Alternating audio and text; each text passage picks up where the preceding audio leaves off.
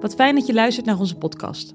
We hopen dat je je gesteund, gehoord en misschien wel geholpen voelt door de verhalen en kennis die hierin worden gedeeld. Een fertiliteitstraject is niet alleen fysiek. Mentaal word je ook behoorlijk op de proef gesteld. Ik word heen en weer geslingerd tussen zoveel gevoelens. De ene dag voel ik me sterk en hoopvol en ben ik excited over de toekomst. De andere dag zit ik er volledig doorheen. Voel ik me somber en heb ik alleen maar oog voor onze mislukkingen en teleurstellingen. En ondertussen gaat het dagelijks leven ook gewoon door. Hoe hou je deze achtbaan vol? Vooral omdat je niet weet of het ooit zal lukken om zwanger te worden. In deze aflevering ga ik in gesprek met therapeut Gineke Sietsma, oprichter van Amethyst Developing People in Amersfoort. Bij haar heb ik een training persoonlijk leiderschap gevolgd waar ik veel aan heb gehad. We praten over de verschillende emoties waar je mee te maken hebt tijdens een fertiliteitstraject. Zoals je zorgen maken over de toekomst en het dragen van verdriet en hoe je daar vervolgens mee omgaat.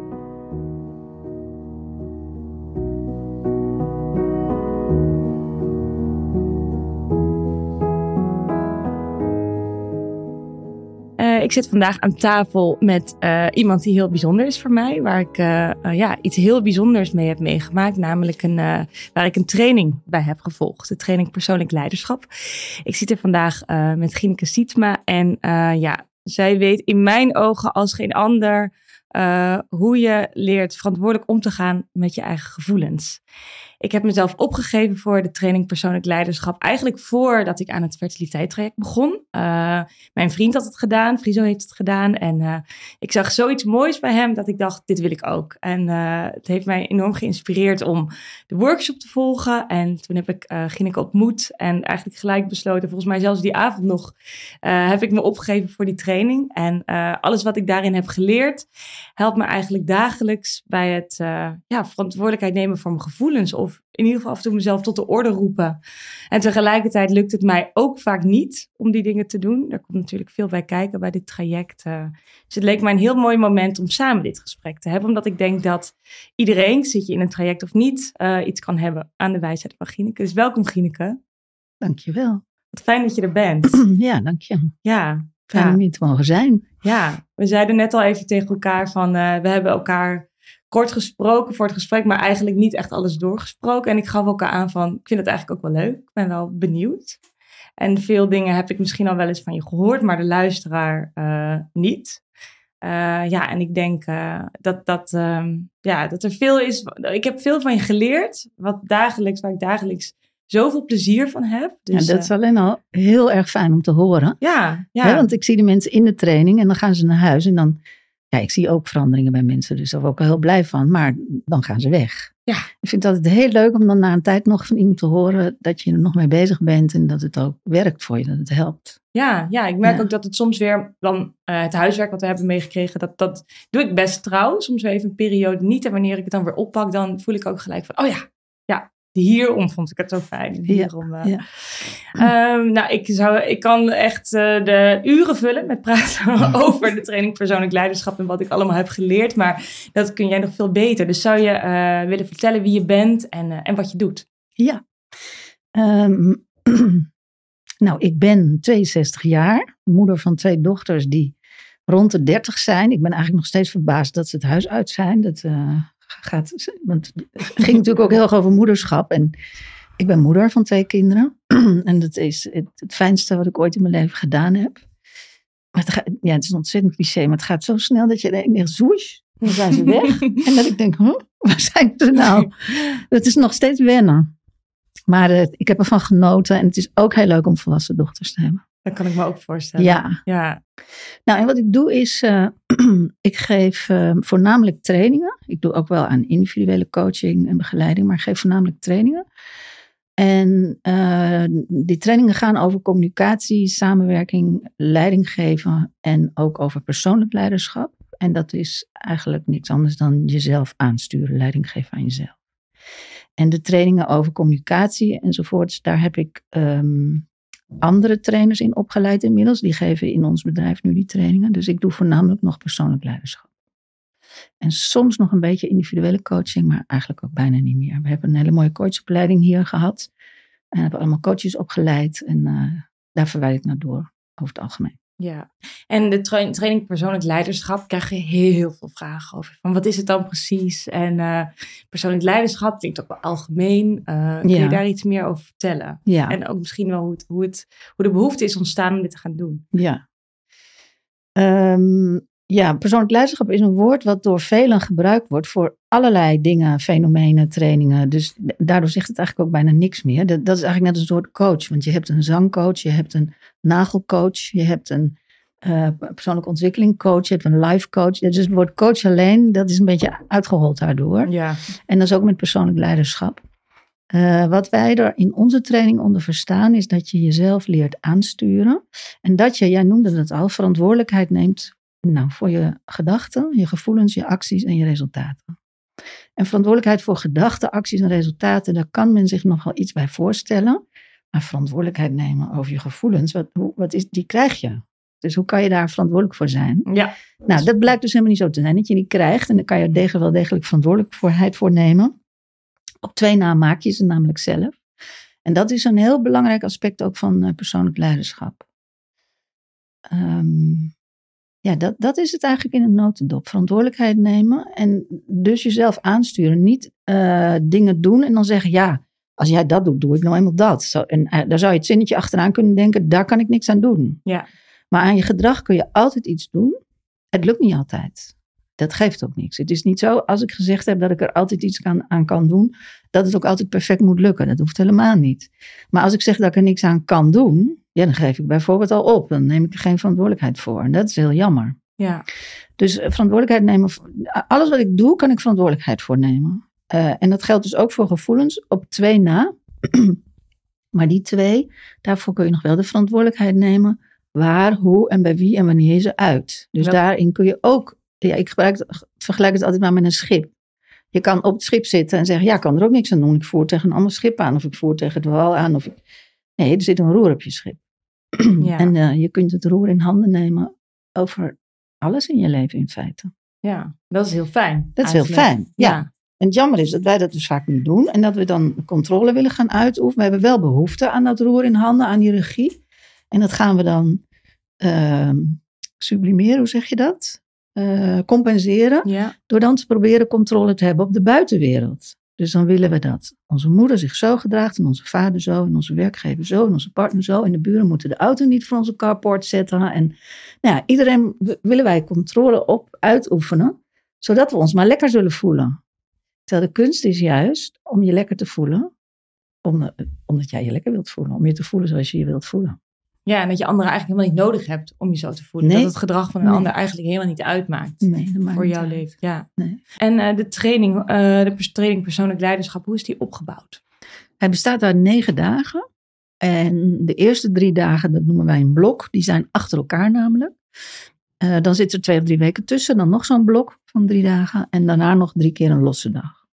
En mensen zijn geneigd om die laatste drie dagen te zien als terugkomdagen. Maar dat is niet zo. Daar, daar zit echt heel veel nieuwe dingen nog in. En ook echt hele belangrijke dingen. Dus het zijn echt negen trainingsdagen. Ja. En voor wie, ehm, voor, ja, voor wie is deze training bedoeld? Ik krijg, ik krijg namelijk, eh, ik zal hem even andersom stellen. Ik krijg vaak de opmerking of de vraag van ja, maar ja, ik voel me prima of wanneer moet ik dat doen? Of ik, ik worstel hiermee, hoe weet ik of dat voor mij is? Ja. Nou, ik voel, als je je prima voelt, moet je het denk ik ook niet doen. Nee, als je Ja. heel blij en tevreden bent. met je- Als je denkt, ik, er is niks in mijn leven wat ik nog zou willen verbeteren. Ja. Maar ik denk niet dat dat voor ooit voor iemand geldt. Dat je niks zou willen verbeteren. Er is altijd wel iets. Ja, ik voelde me e- eigenlijk best wel goed toen ik de training ging doen. Alleen eh, vind ik het ja, ook wel echt leuk om aan mezelf te werken. En dan Nou, geloof ik niet dat... Ik geloof, geloofde dat dit beter kon. Of ik wilde heel graag nieuwe dingen leren over mezelf. Dat, ja. En toen ik dat zag bij anderen, een vriendin van mij heeft het ook gedaan. En toen deed Friso het. En toen dacht ik wel echt van, wauw, dit is wel echt, eh, ja. dit is wel echt bijzonder. Dit komt, eh, ja, en het kwam op een eigenlijk heel mooi moment in mijn leven. Namelijk, ik gaf me op. En toen was dit hele fertiliteitstraject nog niet aan de hand. Ehm, pas toen, want ik gaf me op een paar maanden voordat de training begon. Eh, er zat even tussen. En eh, toen wist ik al dat het, dat het mogelijk ging gebeuren. En toen viel het toch samen. Hm. En ik weet nog dat ik je toen heb gecontact, want ik begon met het, eh, met het spuiten van hormonen, vlak voor het eerste blok. En ik wist dat ik daardoor in het eerste blok in de overgang zou zitten, medisch gebracht. Met alle, alle ja, mankementen van Dien, de opvliegers, de mood swings. En ik was heel erg bang dat ik dacht, oh, ben ik heel iemand anders? Wat ga ik dan doen? Hoe ga ik er zijn? Maar daar Ja. heb je me wel in gerustgesteld. Ik weet nog dat je zei van het zal waarschijnlijk eh, wel uitdagender zijn en daardoor zul je er ook wat meer aan hebben. Ja. En dat was ook, is ook wel echt zo gebleken. Want met name die mood swings, hè, dat, die schrijven wij toe aan de hormonen. En dat heeft- is natuurlijk een van verband eh, wellicht. Ehm, en dan kan de oplossing zijn, ja, ik ben nou helemaal kribbig, want dat kan. Dat is ook niet verkeerd. Maar een andere oplossing is, eh, ik, mijn lontje is korter, ik heb de neiging om sneller kribbig te doen. Hoe stuur ik mijzelf aan, hoe leid ik mezelf zo, dat ik toch vriendelijk doe en redelijk en prettig. En dan heb je het zelf ook leuker en prettiger. Ja. Want het is helemaal niet leuk om kribbig te doen. Voor jezelf ook niet. Ik kreeg wel de, ik, ik dacht bijvoorbeeld op een bepaalde tijd van dat ik eigenlijk best wel, dat het allemaal wel meeviel. Zei, Friso, nou. ik heb er wel wat van gemerkt. Oh ja, ja. Wat, moet ik, wat, had ik dan, wat had ik dan kunnen doen? Uh, ik dat toch als, je, meer toegelaten of laten gebeuren? Of, nou, als je eh, het niet in de gaten hebt, heb je het niet in de gaten. Nee. Nee. dus dan is het fijn als je mensen om je heen het willen zeggen. Aan de andere kant, hij heeft het toen niet gezegd, hij heeft het verdragen. Dat is ook heel liefdevol en heerlijk. ja, Als het ja, hem goed lukt om te denken, ach laat, het is, Ja, is tijdelijk. Dat is toch ook heerlijk? Ja. Ja. Nee, ik heb mezelf inderdaad wel een aantal keer later daarna ook wel tot de orde kunnen roepen. Maar soms heb ik het ook wel, dat ik dacht, nou, ik, ik, dit, jullie doen het er maar even mee. Ja. Met dit korte lontje. Nou, zeker. Dat is, ook niks mis mee. Maar het is wel fijn als je de tools hebt om jezelf er wel in aan te sturen. Want anders voel je eh, eigenlijk compleet hulpeloos en machteloos. Dan, dan ben jij eh, het slachtoffer van de gevoelens. Dat, Ja. dat, is, ja, dat, dat zie ik dan als een soort zee met golven. Ja. En er komt steeds een golf over je heen. En ja, jij moet je mee laten drijven met die. Dus er is geen sprake meer van een koers. Nee. Dat is niet fijn, want iedereen heeft veel behoefte aan regie. Dat is een gezonde vorm van controle. En die heb je niet als je helemaal niet weet hoe je jezelf aan moet sturen. Nou, ik denk dat het wel ook veel mensen wordt, eh, wordt opgelegd in een traject. Van, oh, je moet, je, moet ook met al die hormonen en eh, ja, daar kun je Ja. ook niks aan doen. En ehm, Ja. eh, ja, sowieso word je toch wel patiënt genoemd. Of je voelt je dat in Ja. de ziekenhuizen met je bandjes en waar je allemaal niet heen gaat. En langs de apotheek en zo. Dus ik kan me wel goed voorstellen dat vrouwen zich kunnen verliezen in die, in die Ja. hormonen. ja, dat kan ik me heel goed voorstellen. Alleen al om het laatste wat jij noemt. Maar ook om het eerste wat jij noemt. Want ik vind dat in de Nederlandse gezondheidszorg. eh, mensen het moeilijk gemaakt wordt om verantwoordelijkheid te nemen. en op hun eigen benen te staan. Ik herinner me bijvoorbeeld dat eh, mijn dochter had een eh, tumor in haar hoofd. Jeetje. En toen moest dat ook verteld worden aan mensen natuurlijk. Dus op een gegeven moment dacht ik, ik vertel het maar aan de buren. Want dat is ook vervelend als ze het op een andere manier horen. Ja. En wij gingen daar eigenlijk naar ons idee heel fijn en goed mee om. En ik vertelde het aan de buurvriend. Die zei, joh, wat erg. Nee, wat zul je je slecht voelen. Nee, vreselijk. Dat was helemaal niet fijn. En toen zei ik tegen haar, nou, ik vind, we vinden het heel erg. En wij zijn kalm en rustig en eh, verdrietig soms. En we hebben vragen, maar het gaat goed met ons. Toen zei ze, nee, dat komt nog wel. Oh, oké. nou, Nou, dat, dat, dat, is een beetje hoe in Nederland, ook in de gezondheidszorg. Het is heel lief bedoeld om tegen mensen te zeggen. Het soort van te waarschuwen. Dat kan gebeuren dat je dan heel veel emoties krijgt. En dat je dan heel rot voelt. En dat je niet meer weet hoe je jezelf aan moet sturen. Of dat het een soort voelt van dat, dat je helemaal overrompeld wordt erdoor. Dat is fijn. Maar de manier waarop het presenteren alsof het iets is waar je niks mee kunt.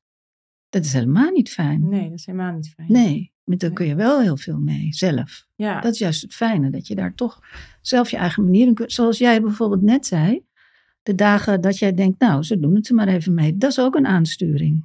ja. Jij hebt op dat moment besloten, ik laat het even zo, want ik vind nu andere dingen belangrijker.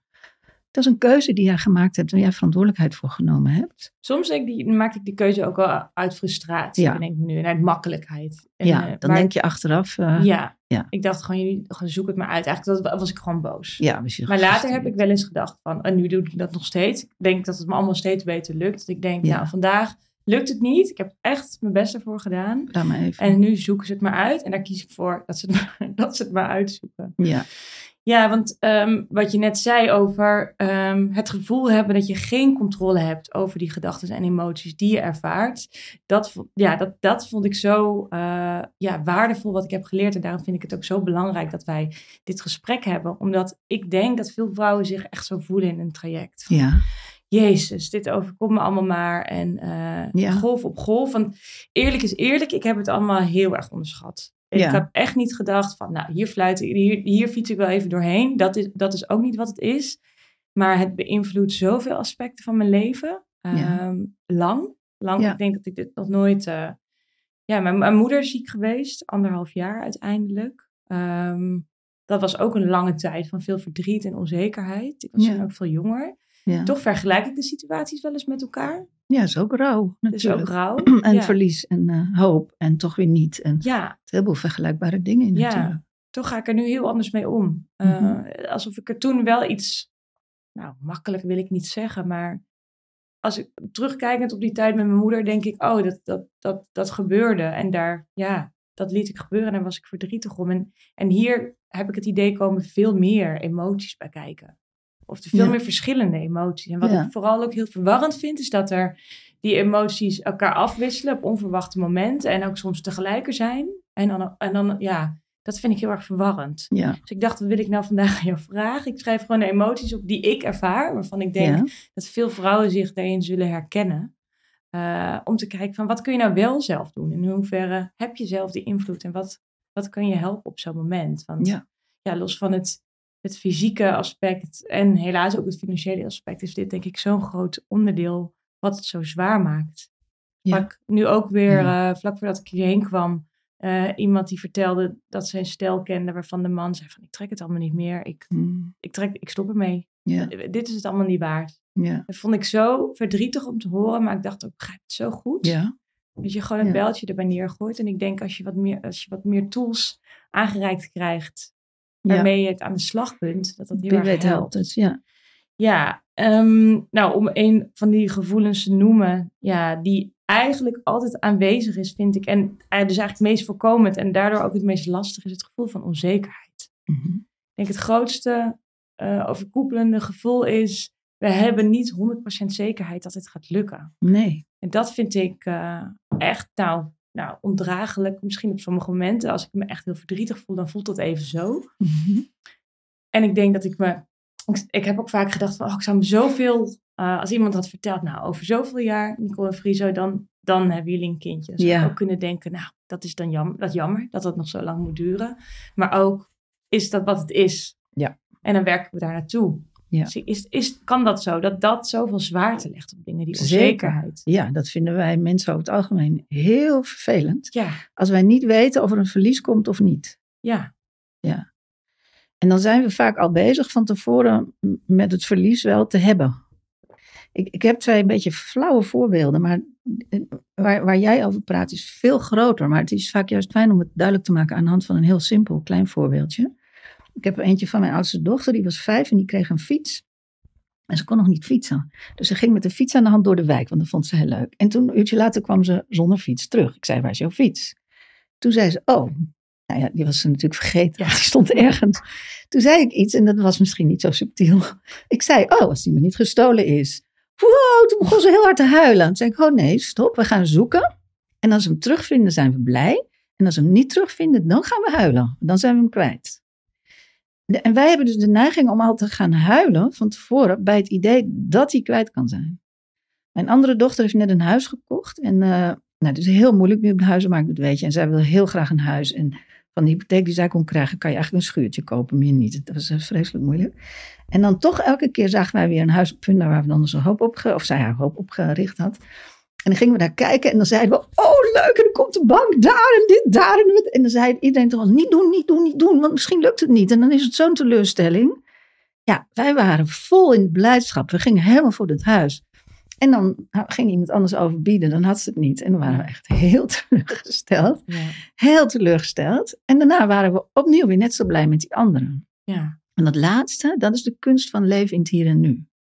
En dat vinden wij heel moeilijk. Wij willen eigenlijk de, de, wij willen geen verliezen. En wij willen het bijbehorende verdriet niet. Dat leren we als kleinkind vaak al af.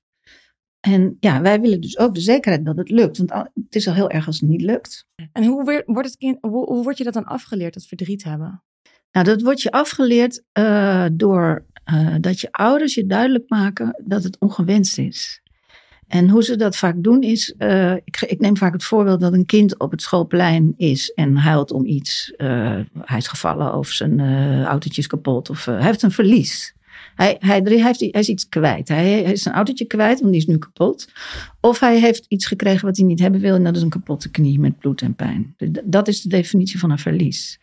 Dus hij heeft een verlies en hij is verdrietig daarover. En als je klein bent, dan ga je om. Eh, kijk, een klein verlies noemen wij een teleurstelling. Als nu mijn telefoon in de, in de rivier valt, dan nou, ga ik niet huilen. Dat vind ik heel vervelend. Ja, en ontzettend onhandig Ja. vooral. Het is ook jammer, want het kost zoveel 100 euro. En eh, nou. Liever niet. Nee, teleurgesteld. Hey, jammer. Even iets om overheen te stappen. Eh, als mijn hond doodgaat, dan huil ik. Dat is een veel groter verlies. En dan noemen wij het vaak verdriet. Maar psychologisch gezien is het hetzelfde. Ik moet afscheid nemen van iets. Het is een verlies. Ik ben iets kwijt. Of ik krijg iets wat ik niet hebben wil, maar dan ben ik ook altijd iets kwijt. Want in het geval van de zere knie ben ik dan mijn gezonde knie en mijn pijnloze lichaam kwijt. Nou, als dat kind eh, dan zijn autootje kapot heeft, dan zie je vaak dat de ene ouder zegt: Oh, kijk eens een snoepje. Afleiden. afleiden. De ander zegt: Oh, kijk daar een puppy. Dat is ook afleiden. Eh, de volgende zegt: Dat is helemaal niet erg. Dat was iets wat mijn ouders altijd deden. Mijn ouders, als ik iets te, te huilen had of ergens teleurgesteld of verdrietig over was, dan zeiden ze altijd: Dat is niet erg. En daar was ik heel vaak over in de war. En op een gegeven moment begreep ik het. Mijn gevoelens klopten niet. ja. Die klopte gewoon absoluut niet. En ik heb ook echt geleerd om dat weg te stoppen, eh, mezelf te overschreeuwen of, of, of eh, mezelf gevoelloos te maken. Allerlei manieren geleerd om als ik een teleurstelling had, die niet te voelen. Dat, dat was niet de bedoeling. Ja. En die ouder die zegt, kijk eens een snoepje. Als je dat een keer doet, geeft niks. Maar als je dat structureel doet, dan worden dat volwassenen die bij elke teleurstelling naar de koelkast lopen. Het emotie eten. Als je zegt, kijk daar een puppy. Dat worden de volwassenen die ehm, wellicht gaan gokken of gamen om, hun- om niet te hoeven voelen. Je leert het kind een manier aan om niet te voelen. Een vlucht. Een vlucht van het verdriet. Ja. En dat is ontzettend jammer, want ieder verdriet wat je niet doorleeft, dat, dat stop je als het ware weg in je lichaam. Eh, ik vergelijk eens met een parkeergarage. Dus dat, dat stop je weg. En uiteindelijk, als je parkeergarage heel vol wordt, dan kom je onder druk te staan. Je hele systeem komt onder druk te staan. Dus mensen die veel leed wegstoppen, ja, die kunnen vaak niet meer goed bij hun zachtheid. Dus die overschreeuwen anderen en ook zichzelf. Want als ze zacht zouden worden, zou ook het verdriet naar boven komen. Dus die doen wat harder. Eh, die krijgen een wat korter lontje. Als, je het, als het een grote, voor grotere vormen aanneemt, dan krijg je bijvoorbeeld een maagsfeer of migraine. Of mentaal-emotioneel word je wat kort aangebonden en kribbig. En fysiek kan je ook klachten krijgen, namelijk spanningsklachten. Ja. Dus het is heel ongezond voor ons om eh, verlies niet te doorleven, het verdriet daarvan. Nou, de, de onzekerheid over een naderend verlies willen wij niet. Daar worden we Ja. heel zenuwachtig van. We hebben geleerd, verlies is verkeerd. Je moet zorgen dat het zich niet voordoet in je leven. En als het al komt, dan moet je zorgen dat je niks voelt. Dat kan helemaal niet in zo'n traject. Je kan, dat is een traject met heel veel gevoelens. Dus je, je bent ook maar steeds bezig met dat naderende verlies Ja. al. En, en ja, je weet niet of het komt. Dus je kunt je er niet op voorbereiden dat je je moet afsluiten, hard maken. Of als je dat gewend bent, dat je het gaat doorleven. Daar kun je niet op instellen. Eh, maar het kan wel komen. Ja, is een hele nare, onzekere situatie. ja, die ook lang duurt. Die lang duurt. Ja. Ja. En, en het, je kunt dat eh, voor jezelf ja, fijner maken of minder akelig of, of managen.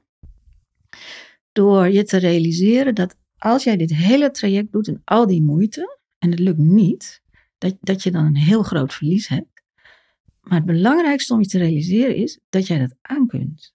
Want dat is eigenlijk de grote angst onder de onzekerheid, dat je dat verlies niet aan zult kunnen. Dat je nooit meer een leuk leven zult hebben, dat je niet meer echt gelukkig zult worden, of dat het je zal overspoelen, of dat je misschien wel de depressie ingaat, of Is dat niet zo voor sommige mensen?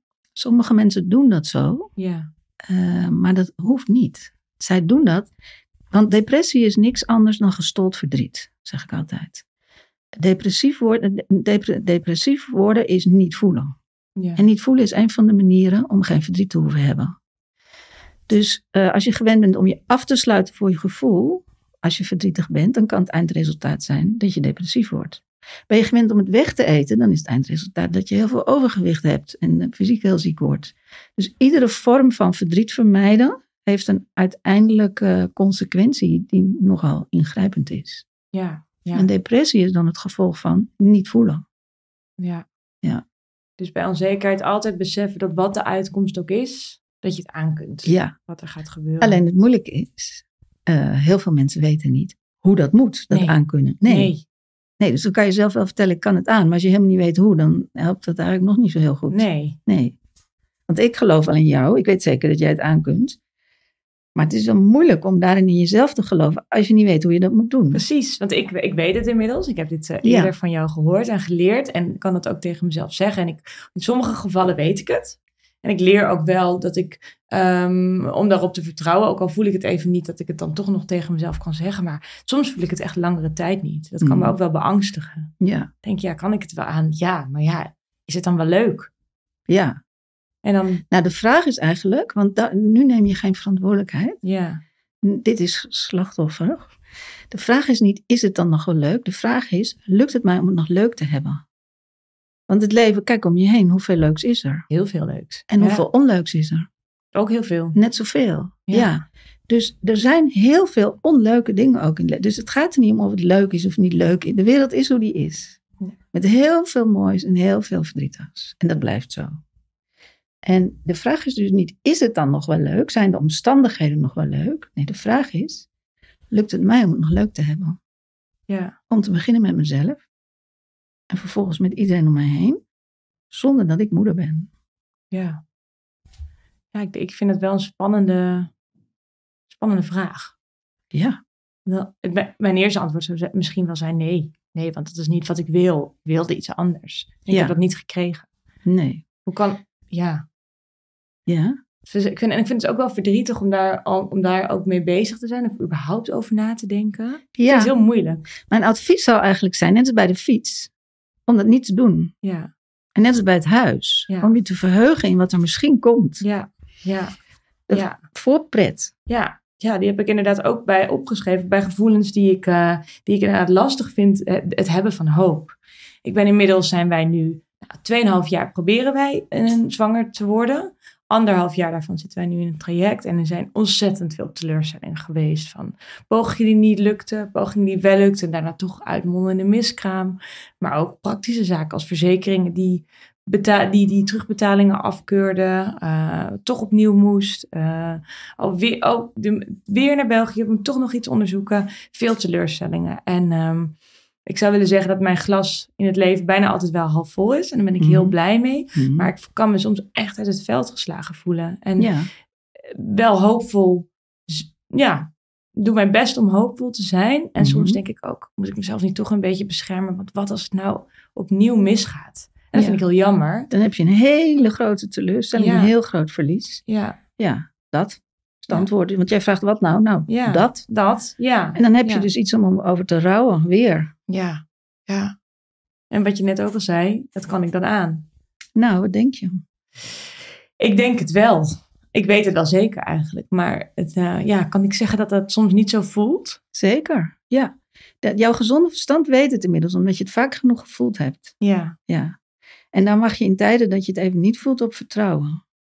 Want jouw gezond verstand weet het zeker. ja, En die heeft dat ook ervaren en begrepen op momenten dat het er was. Dus je weet dat het er is. Alleen het lukt dan niet om er contact mee te maken. Maar dat is oké, zeg je dan. Dat, dat voelt heel naar. En dat is, ja, natuurlijk oké. Ja, Ja, dat is jammer op dat moment. ja. Maar hoef je ook, ook daar hoef je niet slachtoffer van te zijn. Nee, je hebt een paar keer gezegd het eh, slachtoffer. En we hebben het al gehad over verantwoordelijkheid nemen. Kun je daar iets meer over uitleggen? Ja.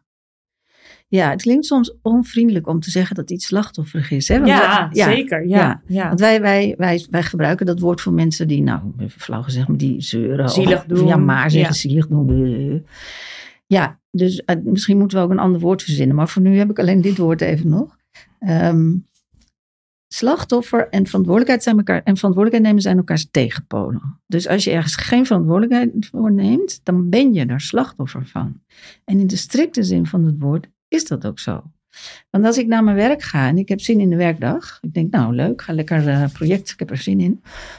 En ik ben bezig, we hebben een nieuw project. En dan komt een collega van mij binnen en die gaat op het kantoor waar iedereen bij is, mij echt op een manier afbranden over het project dat ik vorige week afgesloten heb. Echt niet oké. Nee, dat is niet leuk om te horen. Echt niet leuk. En de manier waarop, dat kan niet. Eh, dus ik ben boos. Ja. Nou, dan zegt bijna iedereen, nou ik snap het hoor, wees maar boos. Ik zou ook boos zijn. Ja, ik zeg dan, je bent zijn slachtoffer. Je was naar je werk gegaan om lekker te werken. Nou zit je op je werk, dan ben je boos. Dat is helemaal niet leuk om boos te zijn. Dat, Nee. dit, nee. En waarom ben je boos? Omdat iemand anders stom doet. Hij doet stom. Jij betaalt de prijs met je boosheid. En je, je, je, je doet dus impulsief iets naar aanleiding van wat die ander doet. Je laat die ander jou sturen. Ja. Dus je bent het slachtoffer van die ander.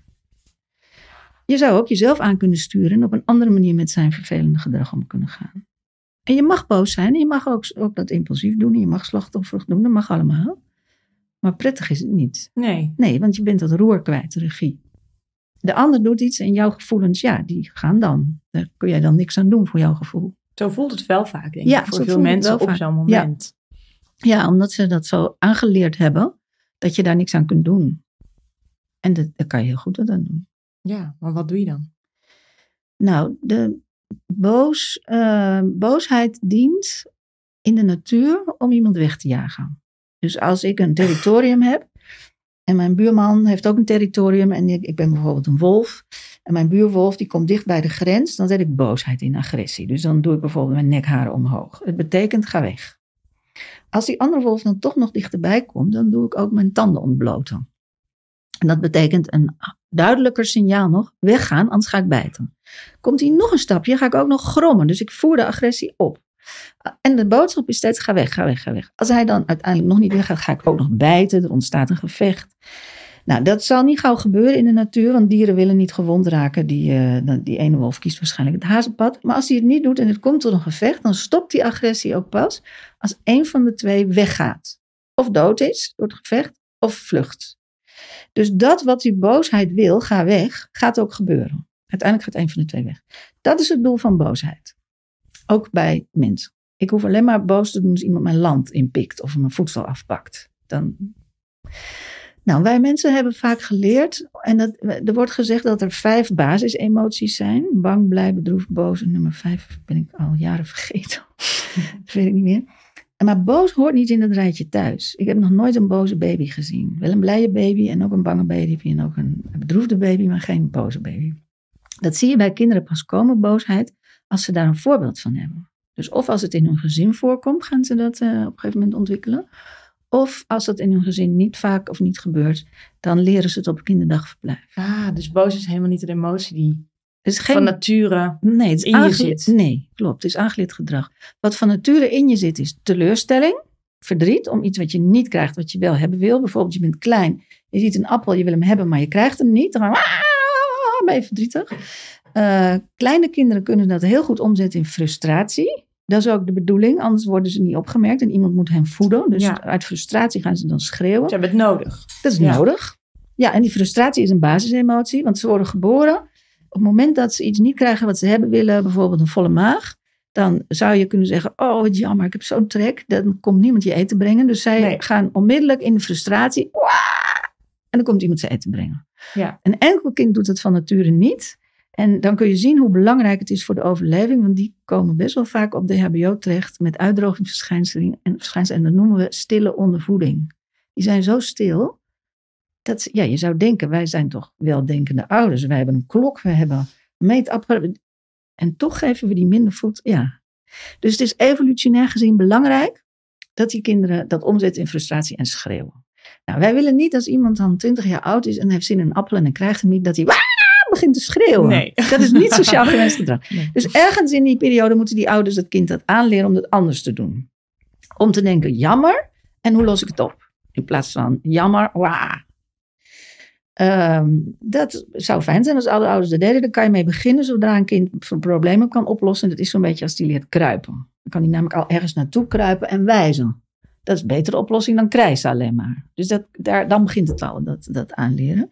Maar er zijn ook best veel ouders die een ander voorbeeld geven aan hun kind. Namelijk het voorbeeld dat als je niet krijgt wat je hebben wil, dat je dan boos wordt op degene die dat veroorzaakt heeft. Dus eh, ja, neem een voorbeeld. Eh, ik heb nu het van doen met, eh, op mijn werk met nieuwe buren. En die zijn eh, onzorgvuldig met vuilnis, met afval. Dus iedere dag liggen daar bakjes van de snackbar leeg op de oprit of halve stokbrood, van alles, afval. Nou, ik kan daar boos om worden. Ik kan ook op hoge poten naar hen toe gaan. Dat heb ik niet gedaan. Ik heb een prikker gekocht en een vuilniszakje en een veger en blik. En ik ruim het elke dag op. Ja? Ja. En zou je er niet wat van zeggen? Van, Ik dat heb kan een- op een niet ik heb, ik heb een verzoek gedaan. eh, maar dat hielp niet. Daar stond ze helemaal niet voor open. Oh, Nou, dan houdt het op. ja. Ja, ik kan het boos doen. Maar, ehm, nou, punt 1 is boosheid ongezond voor mij. Hoe vaker je boos bent, hoe meer kans op hart- en vaakziekte. En eh, het is echt niet gezond voor je. ja. En bovendien doe ik niks met mijn, mijn teleurstelling. Het hele jammerproces ga ik niet door. Dus ik stop het in mijn parkeergarage. En ik word boos. Ik Ja. het af op een ander. Want is dat dan wat er eigenlijk aan de hand is? Je dat is wat er aan de hand is. Is dat altijd zo bij boosheid? Dat er een- eigenlijk een teleurstelling onder zit? Ja, bijna altijd, behalve als het gaat om je territorium. Ja. Ja. Dan wil je gewoon boos zijn om weg te jagen eigenlijk. Ja, om iets precies. duidelijk te maken. Bijvoorbeeld, ik had eens een keer jongetjes in de straat en er lag sneeuw. En die gingen dan ijsballen kneden en tegen mijn raam gooien. En toen heb ik heel hard op het raam gebonkt. En wow, zo gedaan. Ja. En toen waren ze bang voor mij, want dat is waar boosheid voor bedoeld Ja. is. En ik heb ze weggejaagd. En mijn relatie met hen wordt dan slechter. Dat vond ik in dat geval prima. Ja. En dat wil ik niet met mijn partner. nee. Mijn nee. kinderen, elke keer dat ik boos doe, breek ik die relatie steen voor steen af. Het is bedoeld om weg te jagen en het functioneert ook als een wegjaagding. Ja. Ja, in dit traject ben ik wel echt vaak boos. Ja. Uit, eh, nou, wel inderdaad toch, toch wel eens slachtofferschap. Gewoon boos van waarom overkomt dit ons? Of eh, een Ja. hele vervelende emotie. Die mij zeker niet emotie. dient. Nee, Ik lost het niet op. nee. En toch voelt het soms alsof ik niet anders kan doen dan even Ja. heel boos zijn. Nou, dat zijn de momenten dat je je verdriet en je teleurstelling niet wilt voelen. En nogmaals, dat is oké, dat, dat mag jij doen. Eh, maar daarna zul je alsnog toch dat verdriet in die teleurstelling moeten doen. Of je laat het in je parkeergarage. Maar zolang je niet dat verdriet aangaat, blijft het zijn werk doen. Blijft het ondergronds eh, storen. Ja. Dus je lost er niks mee op. En dat wat je erop had moeten lossen, wat je ermee op zou willen lossen, los je dus niet op, moet je alsnog oplossen. Dus het is ja, ook nog heel dubbel en inefficiënt. En Ja, want ik heb het idee dat, eh, of ik heb het idee in dit traject, is het zo dat er, ja, de, de, de, de teleurstellingen, de, het afwachten, de, de moeilijke momenten, de onzekerheid, ze zijn er eigenlijk constant. Ja. En dan zijn er mensen die zeggen, weet je wat, je moet het even lekker loslaten. ja, Ja, Lekker nou, ook nog. Ja, ja. Ja. je moet gewoon even, ga even lekker op vakantie Oh, of zo. ja, of, oh. eh, ja, nou, de, dat, dat onderdeel wilde ik je inderdaad straks nog wat uitgebreider vragen. Maar wat ik nu, eh, het- wat ik nu probeer te zeggen is, het is er zoveel en continu. Dus Ja. ik heb het, ik, ik doe mijn uiterste best om die teleurstellingen te voelen. En ook dat verdriet er te laten zijn. Soms wil ik het ook echt even parkeren. Dan denk ik, ben er Nee. even helemaal klaar mee. Ja. Maar soms voelt het wel alsof ik daar niet helemaal de regie over, Ja. over heb. Van, parkeer ik het nu te veel? Ja. Is dat dan, en Ja. ben ik daarom boos? En voel ik me, wat ik me ook bijvoorbeeld vaak voel, somber en afgevlakt. Ja. Ehm, dan denk ik, ja, maar hoeveel meer kan ik hierover huilen? Ja. Eh, en ik kan me eh, herinneren uit de training, dit is een heel mooi, dat is iets wat mij vaak helpt, is dat je het verschil tussen het hebben van pijn en verdriet eh, Ja. hebt. Dat probeer ik dan dus te doen, maar misschien dat je dat zelf, ja, Ja. je hebt dat toen dat- heel mooi verteld. Dat, daar ja? heb ik veel aan, ja. Ja, nou, dat, dat, maar ik vind het fijn om nog even in te gaan op een ander dingetje wat je zei. Over dat, doe ik het nou goed? Heb ik nou genoeg regie? Ehm, het is geen examen. Nee, Het is geen cursus omgaan met emoties. Dus het is niet erg als, en goed, goed. Ik moet lachen omdat ik dit mezelf in het leven veel vaker zie doen. En Ja. het is ook in meerdere gesprekken inmiddels aan bod gekomen. eh, dat, stukje, dat, dat stukje controle wel niet hebben. En het wel heel graag goed willen doen. En er 100% mijn best voor willen doen. Ja, Misschien is- wel meer. Maar dat is ook fijn. Super fijn. Alleen het lijkt wel alsof jij wel een 10 moet halen. Ja, Het mag geen 9,5 zijn. Maar dat, het is, jullie waren net hier de spulletjes aan het klaarzetten. En toen werd er gegaan voor de best mogelijke kwaliteit. En het microfoontje nog een millimeter anders. Of Ja. het gordijn omhoog of niet. Dat is gaan voor een 10. ja, En wat daar heel belangrijk in is, is dat je nooit gaat voor een 10 plus. Want die bestaat niet. Dus dan ga je neurotisch doen. Ga voor een 10, heerlijk. Alleen, het wordt heel moeilijk om te gaan voor een 10. En je creëert faalangst, burn-out, eh, naar allemaal. Als je ook dan een 10 moet halen. Je gaat voor een 10 en het resultaat zul je wel zien. Heel flauw rijmpje. Dat- is een hele fijne levenshouding. Als ik ga voor een 10 en ik haal een 1, denk ik jammer. ja. En vind ik het de moeite waard om opnieuw te investeren? Ga ik weer voor een 10. Heb ik volgende keer misschien een 2 of een 8? Ik weet het niet. En heel veel mensen houden zichzelf voor de gek, want die zeggen, nou, dat vind ik niet de moeite waard om nog in te investeren. Maar stiekempjes gaan ze niet nog een keer, omdat ze niet weten hoe ermee om te gaan als ze dan niet die tien halen. Dus blijf voor een tien gaan. is super jammer om niet te doen. Maar ja, laat het resultaat, ja, ik heb vaak het gevoel dat ik denk, we krijgen zoveel aangereikt. En bijvoorbeeld zoveel medici die zich over onze situatie ontfermen en het allemaal goed willen doen. Dan denk ik, op mijn beurt wil ik dan ook alles zo goed mogelijk doen. Ja. En dat gaat heel ver. Dat gaat ook in de zorg voor mezelf. Van, dat gun ik mezelf. Neem ik af en toe wel dat glaasje wijn omdat het me ontspant? Of is het beter voor mijn lichaam om het helemaal niet te doen? Ja. Uh, oh, eh, sporten. Shit, ik heb het vandaag toch niet gered. Ja. Uh, dan kan ik er best wel hard over doen. Of nou, ik heb dat toch te veel gedaan. Of eh, maar ook bijvoorbeeld in het doorleven van verdriet. Van, dat is ook, ook niet goed genoeg. Ja. Ik wil het gewoon echt heel graag goed doen. En dat Ja. breekt me ook wel Maar dat, op. nou, nou jaag je dus het verkeerde doel na, want je wil graag een kind. Daar hoor ik je niet meer over. Ja. Ik hoor jou over dat je de uitvoering goed wil doen. Nou, ik kan je vast vertellen, ik hoop erg voor jou dat je uiteindelijk moeder wordt. En dan ga je dat kind opvoeden. Dan ga je heel veel fouten in maken. ja. Ga voor een tien en hou het doel voor ogen. En maak niet belangrijk dat jij geen fouten maakt. Want dat is het verkeerde doel.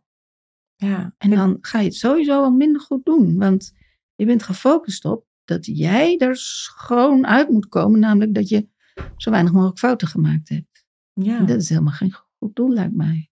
Nee, het, voelt het idee van fouten maken voelt wel oncomfortabel. Ja, nou, dan heb je dan nog een les te leren. Ja. Dan ga je zeker doorgeven aan je kind. Dan ga je tegen je kind zeggen: fouten maken mag hoor. Maar je kinderen doen, horen, horen ook nooit wat je zegt. Ze zien wat je doet. Ja. Ja, wie geen fouten wil maken, die, die wil niet leren. ja, dat is waar. Dat is wel heel belangrijk. Toen jij, toen jij geboren werd, toen maakte jij aan de lopende band fouten. Ik heb een superleuk filmpje gezien vorige week. Dat was een klein kind en die kon net lopen. En als, als die, die, daar was, dat kind was in de fase dat als hij dan naar de grond wilde, dan moest hij echt zo recht naar beneden door zijn knietjes en daarbij zijn evenwicht bewaren. En dan kon hij iets pakken en dan zo recht weer omhoog. Dat was allemaal nog heel wankel en die stapjes ook en die tenen corrigeerden de hele tijd. Nou, die fase. En het kind die had een, een hondenlijn in de hand en daar liep een heel oud tekkeltje aan en die waggelde voorop, heel langzaam. En op een moment liet dat kind, die keek ergens naar, die was afgeleid en die liet per ongeluk die lijn los. Maar dat hondje had het helemaal niet door, dus die waggelde zo door, heel langzaam. En het kindje stap stap met al- erachteraan. En dan was ze naast die lijn, maar dan ging zij dus door die knietjes. En tegen dat zij haar met haar hand op dit punt was, waar die lijn was, was die hond doorgewaggeld en greep ze dus mis. En dan stond ze op, waggel, waggel, waggel, hondje inhalen naast dat handvat van die lijn, door de knietjes te laat. Waggel, waggel. En toen zag je haar strategieën toepassen om haar resultaat te verbeteren. Ze ging ietsje verder lopen en daar pas door de knieën, of ik- allemaal strategietjes. En het mislukt allemaal. Heel veel keren. Ik heb niet één keer een emotie gezien van wat erg voor mij, niet één keer shit, frustratie, niet één keer nu doe ik het fout. er- geen enkele emotie. Daar was die hondenlijn die voor haar uitgeleed en die wou zij pakken. En zij deed gewoon alles wat in haar vermogen lag om dat te doen lukken. Zo zijn we allemaal geboren. Ja. En dat we dan geen fouten meer willen maken, dat is allemaal aangeleerd gedrag. Dit was de ene mislukking naar de andere. Dat is allemaal fout. Dat ze, alle strategieën werkten niet. Dat vond zij niet erg. Ze bedacht Ja. gewoon een nieuwe. Misschien is het bij mij zo dat ik wel fouten durf te maken, maar dat ik bang ben dat die fouten die ik nu maak een, een, eh, echt een gevolg, tot, een gevolg zullen hebben wat niet meer te corrigeren is. Om een voorbeeld te noemen, als ik nu toch mezelf af en toe een glas wijn toesta, of ik drink twee koffie per dag, het is nooit bewezen dat dat heel slecht voor je is. Het is vast beter om het niet te doen. Mhm. Ik, voel me, ik vind het heel lekker om koffie te drinken en Mhm. af en toe een glas wijn. Dus het Mhm. ontspant mij ook. Mhm. Uh, maar uh, wat als het in mijn geval, wat ik misschien wel nooit zou weten, toch wel invloed heb. En daardoor wordt het Ja. nog moeilijker om zwanger te worden. Ja. Dus dan denk ik van, dan zit ik Maar nu dus stel je een vraag, maar je geeft jezelf geen antwoord. Je zegt, wat als het toch daardoor mislukt? Ja, Wat is het antwoord op de vraag? Wat dan? ja, dat is dan, dat, dan, dan heb ik mijn eigen, dan, dan zit ik mijn eigen doel in de weg. Dan zit je je eigen doel in de weg. Dan heb je dus achteraf je eigen doel in de weg gezeten. Ja, Ja. nou, dan heb ik voor mezelf verpest. Heb je het voor jezelf verpest, dat vind jij. Heb je dan dat glas wijn of die koffie ervoor over dat jij mogelijk het voor jezelf verpest of niet? Nee. Nee, ik denk, neem een standpunt in. Heb je zojuist gedaan? Nee, Ja. neem het dan ook niet. Oh, ja. Hoe simpel is het? Ja. Je hebt een standpunt, een superduidelijk standpunt. Je twijfelt niet eens. Ja, Doe jezelf een lol en, en leef naar je standpunt. ja, En doe jezelf ook een lol als je een keer voor de bijl gaat en het is niet gelukt. Je hebt allemaal smoesjes in je hoofd en de volgende dag denk je, oh, bah, dat was mijn standpunt niet. Dat daar stond ik niet achter. Vergeef jezelf. Ja. Dan is het mislukt één keer. Ja. Ja. Dan hoef je ook niet zoveel zorgen te maken de hele tijd over dat je het fout doet. Ja, die zorgen zijn er inderdaad veel. Van doe ik Ja. het fout? Kan ik iets Ja. zelf iets bijdragen? Is mijn eigen Ja. bijdrage genoeg? Of gun ik mezelf juist die ontspanning? Is dat gezonder voor mij? Wat leveren die zorgen jou op? Niks, helemaal niks. Niks positiefs? Ehm, ja, eh, bewu- bewustzijn misschien van de situatie. Of eh, ja. nou Heb je daar zorgen voor nodig? Nee. Nee. Nee, dus nee. Ze leveren Niks. me niet iets op. En leveren ze je akelige dingen op, die zorgen? Ja, Ja, spanning. stress, spanning, Stress. boosheid, Ja, frustratie. eh, kribbig met je mensen om je heen, eh, relaties Ja. moeilijk, van alles. Ja. Dus je hebt er niks positiefs aan en alleen maar negatiefs. Ja. Wil je het dan nog langer doen? Nee. En wat maakt dat je het nog wel doet? Mm. Ja, dat het zo, dat ik het mezelf zo heb aangeleerd om het zo te doen. Dat ik mezelf er heel actief op moet corrigeren om dat anders te doen. Ja. Dus eh, je hebt het jezelf aangeleerd. Ik doe dit al heel lang zo. Of, Ja, eh, Het is ja. echt een gewoonte. Het is echt een gewoonte, ja. En ik heb hem ook door soms. Dan Ja. denk ik, oh, daar ga ik weer. Dus je- oh, dat is een fijne manier om te helpen dat je het blijft doen. Als je nou een nieuwe gewoonte wil en het mislukt, en dan zeg je: Stel je voor dat ik een nieuwe gewoonte wil aanleren. En jij bent erbij en ik mislukt een keer bij mij. Zou je dan tegen mij zeggen: Oh, dan ga je weer? Nee. Dat is heel erg, heel, heel erg niet stimulerend en Ja. onvriendelijk. Ja, het is... eh, ik vind het opmerkelijk hoe onaardig ik soms tegen mezelf doe. Dat ik inderdaad Ja. denk, dat zou ik nooit tegen iemand anders zeggen. Nou, wil je dat nog langer doen? Nee. Nee. Nu, nu heb je dus twee, en dan kan ik vragen wat maakt dat je niet dat doet. Je hebt nu twee dingen die diep ingesleten gewoontes zijn, eh, die je anders wil doen. Dan denk ik, ga een plan maken. Ga vanavond met jezelf zitten en maak een plannetje hoe jij actief een nieuwe gewoonte gaat aanleren. Ja. Ja, iets afleren kunnen wij niet. Iets niet doen kunnen wij niet. Word je niet, wordt ons onbewust ook slecht. Als je, wil, eh, als je iets af wil leren, bijvoorbeeld ik wil afleren om nagels te bijten, dan moet ik niet de hele tijd bezig zijn met dat ik niet nagels wil bijten, want dan denk ik, nee, nee, nee, ik wil het niet, ik wil het niet. En dan gaat hij. In mijn mond die vinger, ik ga nagel bijten. Ja, want waar ben ik de hele tijd mee bezig? Met nagels bijten, namelijk dat ik het niet wil. Ja. Dus het wordt erger. Ik ben steeds aan aan het denken dat ik dat niet wil en daardoor ga ik het steeds vaker doen. Wat is beter? Iets nieuws aanleren. Dus ik ga bijvoorbeeld ehm, schilderij maken. Ben ik met mijn handen bezig. Of ik ga breien. Of ik ga, iets met, of ik ga koken. Of ik ga iets met mijn handen doen. Iets anders. Ja. En als dat nagelbijten eh, verbonden is met bepaalde situaties of momenten, dan ga ik iets verzinnen voor die situaties of momenten. Als ik bijvoorbeeld weet, voor ik een presentatie hou op mijn werk, bijt ik vaak op mijn nagels, maar dat wil ik niet. Dan ga ik dan iets op dat moment iets anders doen met die handen. Ja.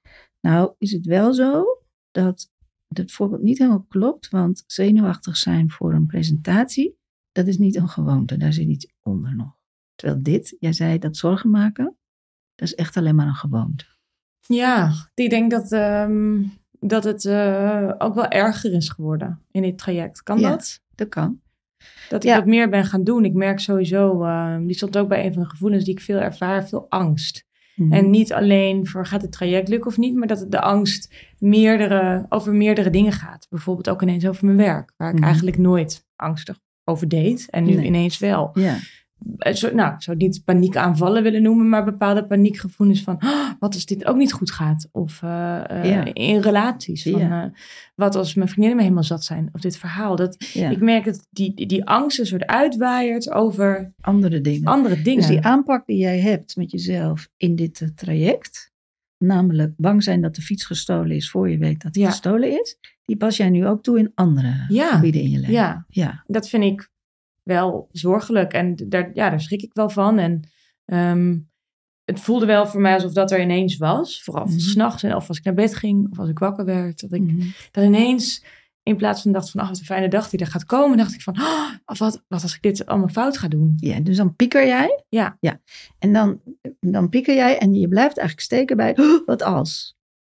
Ja, Het- heel erg bij die, bij die, ja, Het idee is om dan door te piekeren. oké. Dus, want ik heb al twee keer in dit gesprek, zei jij wat als? En dan zei ik, nou, waar is het antwoord? Ja, Jij bent niet gewend om jezelf een antwoord te geven. Nee, dat doe ik inderdaad Nee, niet je vaak. stopt daar en dan heb je een hele grote eh, beer of leeuw op je pad. Ja, daar zit ik dan mee. Dan zit je daarmee. Ja. Dus het idee is dat je je afvraagt, nou, wat als? Wat dan? Ja. Dan heb je een groot verlies. Eh, dan is vraag 1, kun je dat aan? Dat verlies, kun je dat praktisch aan? Kun je dat emotioneel aan? Ja, inmiddels geleerd ja. Nou, Maar het zou heel jammer zijn. Veel dingen. Het zou heel jammer zijn. Nou, ik merk een paar keer in dit gesprek dat jij allerlei strategieën hebt om niet verdriet te voelen. Eh, en een daarvan is je zorgen maken. Want wat als, ja, het antwoord is, dan heb ik een groot verdriet. En je bent bang voor verlies en verdriet. Ja, misschien inmiddels wel meer geworden. Ja, Maar-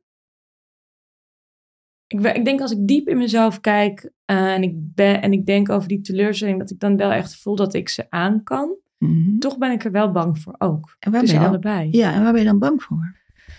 Ehm, dat is een hele goede vraag. Mhm. Want ik heb inmiddels verschillende teleurstellingen gehad. Ik Mhm. weet dat ze heel verdrietig zijn. Ik weet Mhm. ook dat ik daar dan ook weer doorga.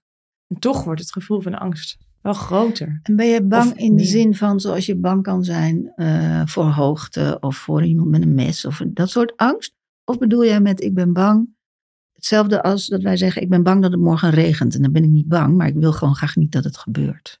Ja, ik denk dat laatste. Ja. Dus jij, jij bent heel erg in de stand nu van ge- ik wil geen verliezen meer. Ik heb er zoveel gehad, Ja. zoveel teleurstellingen. Ik wil niet meer.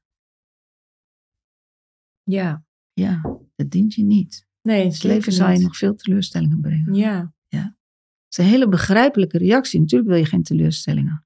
Maar ze gaan nog wel komen. Ja. Ja, ik vind het lastig te weten dat ik niet weet hoeveel, hoe vaak, hoe lang. Nee, Ga je allemaal niet Eh, weten. nee. Nee. Wat kan ik dan het beste doen? Eh, waar, ten behoeve van wat? Wat is je doel? Wat wil je bereiken met wat je... Wat want want jij vraagt nu, wat kan ik het beste doen? En ik begrijp daaruit dat ik jou een tip moet geven om dit weg te nemen. Ja, Ja, dit gaat, liefst niet, wel. dit gaat niet weg. dit is het leven. Ja. Er zijn twee gevoelens belangrijk in het leven. De een is verlies, eh, verdriet om verlies. En de andere is vreugde om vervulling. Dat is alles wat er is. Dat, dat is je achtbaan, je karretje gaat op en neer. En als je vervulling voelt. En je zei eerder in het gesprek, ja, maar dan denk ik dat het niet leuk is, want dan heb ik gewoon niet wat ik wil. Als geluk voor jou betekent dat je hebt wat je wil, dan wordt het leven moeilijk. Want je hebt heel vaak niet wat je wil. Ik denk, werk er altijd naartoe, natuurlijk. Maar je zult heel vaak niet hebben wat je wilt in het leven. Ook heel vaak wel. Wees blij als je het hebt. En wees verdrietig als je niet hebt wat je wilt. Ja. Maar als je het verdriet niet meer wil en de teleurstelling, dan moet je je karretje stilzetten. Het mag niet naar beneden. En dan kan het ook niet meer omhoog. Dan wordt het vlak. Dan wordt het vlak. Ja. Ja, dan voel je niet meer zoveel verdriet. En de angst kun je ook nog wel onderdrukken uiteindelijk. En maar voel je ook geen vreugde meer. Maxima zei dat heel mooi, koningin, over haar zus. Die eh, was overleden, had zichzelf gedood vanwege depressie. En Maxima zei heel mooi, ze kon de vreugde niet vinden. Ja. En dat is precies wat het is. Als je de verliezen niet wilt doorleven, het verdriet niet wilt voelen, dan gaat je karretje dus niet dat dal in, maar dan ben jij vlak. En je kunt ook niet meer omhoog. Je voelt ook de vreugde niet meer. En als je het lang volhoudt, word je vlakker, vlakker, vlakker en uiteindelijk depressief, steeds depressiever. Ja. Ik denk dat ik soms niet voel wanneer dat verdriet er is. Soms heel bewust. Dan moet ik huilen of dan. Ja. Maar soms ben ik een periode eh, bijvoorbeeld boos geweest of somber. En dan weet ik, er zit verdriet onder. Toch Ja. denk ik soms, ik heb dat er toch wel echt de ruimte gegeven. Dat heb ik dat dus toch niet, niet Nee. genoeg gedaan. Misschien dat, dat meerdere mensen dat delen. Heb je daar een tip voor? Van hoe, Ja, kom, hoe kom je ja, bij je verdriet? En hoe, hoe ga je daarmee om op een manier die je dient? ja. Nou, dat, daar geef ik zo antwoord op. Dan zeg ik eerst even iets over het verschil tussen een incidenteel verdriet en een structureel verdriet. Want als ik straks naar buiten ga en iemand heeft mijn auto gestolen, nou, dan heb ik een verlies, een teleurstelling. Dat is eenmalig, want uiteindelijk koop ik een nieuwe auto klaar. Of eh, mijn pleegvader is niet zo lang geleden overleden. Daar ben ik heel verdrietig om en nog. En toch weet ik, kan, dat, dat, dat, dat is rouw en dat gaat over. En dan, dan, dan ben je twee jaar in de rouw, het eerste jaar heel sterk. En dan, als je het maar toelaat, dan wordt het daarna wat milder. En dan wordt het uiteindelijk een verdrietige herinnering. Een litteken, maar geen open wond. Dat is een incidenteel verlies. Maar dat heb jij nu niet. Jij hebt nu een voortdurend verlies. Want jij wil graag moeder zijn, al een tijd. Je had al Ja. moeder willen zijn inmiddels. Hè? Ja. Maar het is niet zo. En de pogingen tot nu toe, daar is uiteindelijk is dat steeds een mislukking. Dus jij hebt een structureel verlies. Het is er steeds. Het is er steeds. Dat is even anders. Nou, als je kijkt bij mensen met je, als je je stoot, doe je pijn. Dat is dan even fysiek. Als je, ik weet niet, een ziekte in je rug hebt, dan heb je misschien chronische pijn. Als je chronische pijn hebt, dan is het heel, heel belangrijk. Kijk, als ik me stoot, zeg ik auw. Ha, nou, en dan is het weer weg. Klaar. Ja. Dan heb ik het gevoeld, ik heb het toegelaten en het is weer weg. Als ik chronisch pijn heb, dan kan, niet, dan kan wel de hele dag auw doen. Dan heb ik geen leven. Nee. Eh, sommige mensen kunnen heel goed net doen of ze geen pijn hebben, kunnen dat heel goed. Die lopen ook vast. Want die, die zorgen niet goed voor hun lichaam uiteindelijk. Dus het is belangrijk om de pijn wel te voelen en aandacht te geven, maar niet de hele dag. Dus dan moet je een soort. Normaal, als je je stoot, gaat het vanzelf natuurlijk. Maar als het structureel is, chronisch is, dan moet je iets, iets, eh, een programmaatje bijna verzinnen. En wat dan heel goed helpt, is om twee keer per dag een bepaalde hoeveelheid tijd te besteden aan de pijn op de manier die jij prettig vindt. Ja. Dus je gaat twee keer per dag een half uur of een kwartier of een minuut of een uur wat jij fijn vindt, wat voor jou werkt. En dan moet je even uitzien te vinden. En dan vraag je iemand om je rug te masseren als je chronische rugpijn hebt. Of je, vraagt, of je gaat dan in een warm bad en dan je een vriendin opbellen en heel erg klagen over hoeveel pijn je hebt. Of nou ja, verzin niets. Er zijn heel veel dingen te doen die jou kunnen helpen om die pijn goed te voelen, te doorleven. En daarna van je afzetten, negeren. Ja.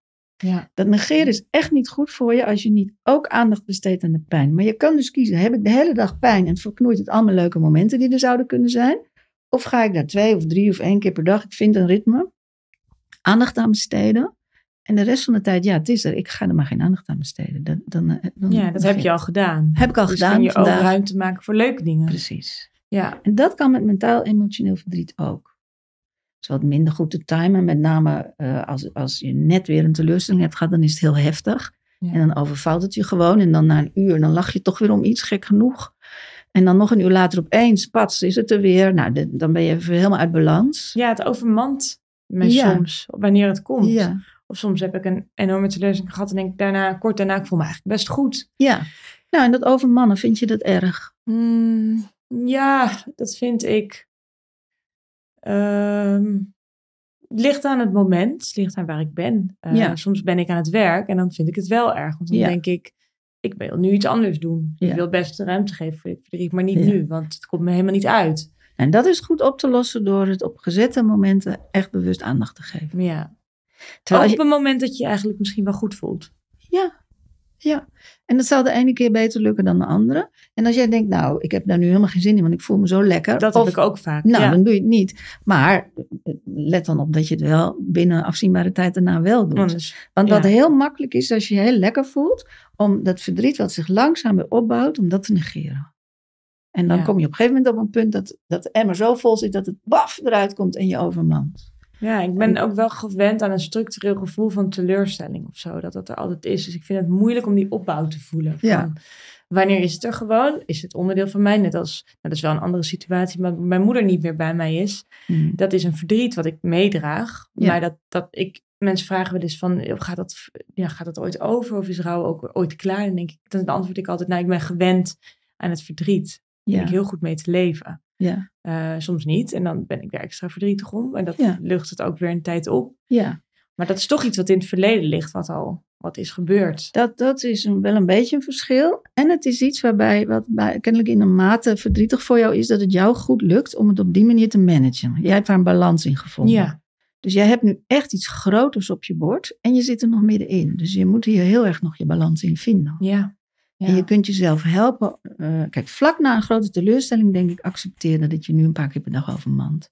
En richt je leven in dat je die dag niet een belangrijke afspraak maakt of Ja. iets dergelijks. Of, Dat lukt mij ook steeds beter. Ja. En ook daar, daar ben ik ook niet meer hard in over mezelf. Dan denk Nee. ik, dit is gewoon wat het is. ja, Ik vind vooral de moeilijke momenten daartussenin. Zoals nu Ja. hebben we een periode van wachten, dat er eigenlijk niet zoveel aan de hand is. We kregen gisteren een vervelend bericht van onze verzekering dat ze weigerden, eh, nou, dat, dat we een, heel, een hele eh, nieuwe aanvraag moeten doen of, of een, een ehm, bezwaar in moeten dienen tegen een afwijzing van onze hele nieuwe tweede poging. Nou, ik was zo Mm. boos en teleurgesteld. En Ja. eh, toen dacht ik, oh, dit, dit, ik heb echt even een tijdje geen ruimte gegeven aan het verdriet. Ja, toen Maar dat- voelde jij van dit is een teleurstelling nu en akelig, maar Ja, er komt meer omhoog. komt veel meer dat. omhoog. Ja, Want dit, van Friso zei daarover Ja. van, oh, maar dit kunnen we gewoon aanvechten. Ze hebben geen gelijk, wij wel. ja, rustig maar, dit gaan we wel even doen. Maar Ja. toen dacht ik van, oh, hier zit wel heel veel verdriet onder. Ja. Terwijl we eigenlijk in een periode zitten van, ja, waarin er even niks gebeurt. We weten wanneer er wel weer wat gaat Ja. gebeuren. Dus dan zit er toch wel Het veel bouwt, onder. ja, zit, ja, dat bouwt zich op. Want eh, elke keer als je erom gehuild hebt, of om gerouwd hebt, of verdrietig om gevoeld hebt, dan is het als het ware even weer de emmer leeg.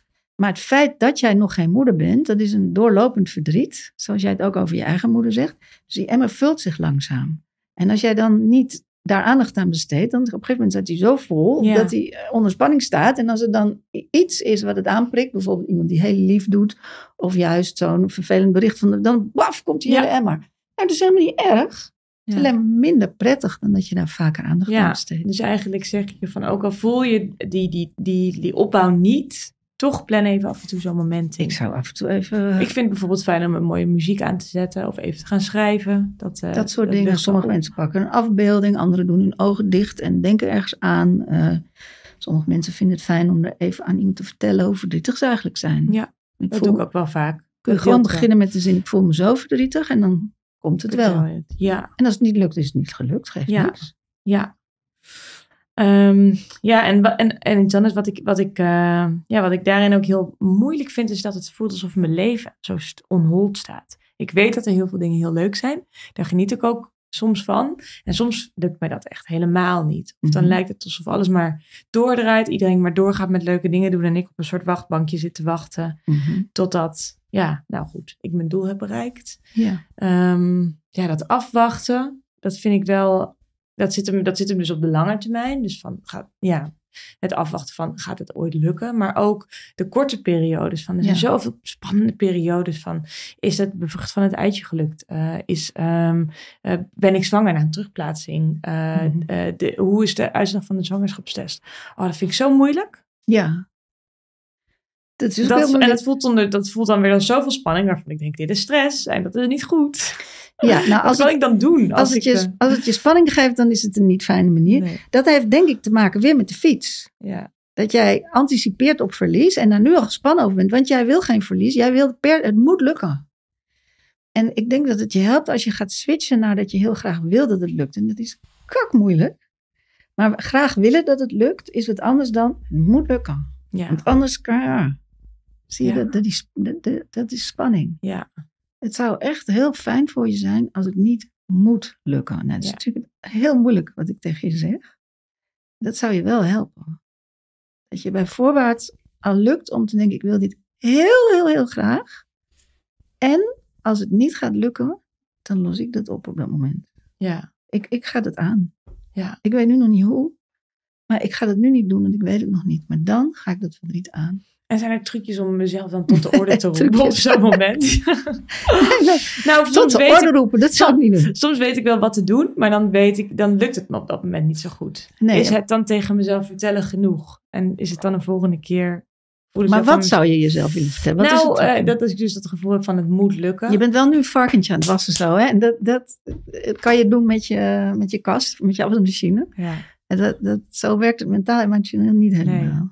Maar vertel verder. ja, ik denk dat ik me gewoon afvraag van wat als het nou... Ja, ik heb gewoon zo, soms vaak dan denk ik, ja, ik weet al wat ik beter zou kunnen doen. Ik weet Mhm. wel, ik weet het wel. Ik weet wel dat ik het Mhm. aan kan. Ik weet wel dat, ehm, dat, ik, dat ik mezelf mislukkeling, mislukkingen toe moet staan. Mhm. Dat dat veel fijner voor mij zou zijn. Maar Ja. dat lukt me dan gewoon niet. Dan zit Nee. ik zo in, nou, voelt een beetje gevangen in een, in een vervelende emotie, in somberte of in boosheid. En ja. En dat is allemaal hardheid, hè? dat is allemaal hardheid. Dat vind ik heel, ik, ja, wat ik, wat doe ik, wat is dan het beste om te doen? Nou, wat helpt jou het beste om weer zacht je te voelen? En dat Hmm. vind jij moeilijk, want dan krijgt het verdriet ook weer. Het eerste wat er naar buiten komt als je je zacht maakt, is opgespaard verdriet. Ja, terwijl En dat vind daarna ik is- niet zo erg, denk ik. Nee, maar het is Maar misschien. ik doe het niet. Nee. Ja. Nou, wa- wat helpt jou over het algemeen om je weer zacht te voelen? Ik denk even afleiding zoeken. Iets anders gaan doen. Hmm. Bijvoorbeeld in de tuin werken. Of even televisie gaan kijken. Of een boek gaan lezen. En dan voel je je weer zacht. Nou, dan appt het een beetje weg. Ja, het dat is harde wat anders. Dan heb je jezelf afgeleid. Oké. Ook goed. Hè, dan heb je er even geen last van. Maar dat is natuurlijk niet echt een oplossing. Ook goed hoor, Ja. maar niet echt een oplossing. Hoe, wat, wat helpt jou om echt contact te maken met je zachtheid?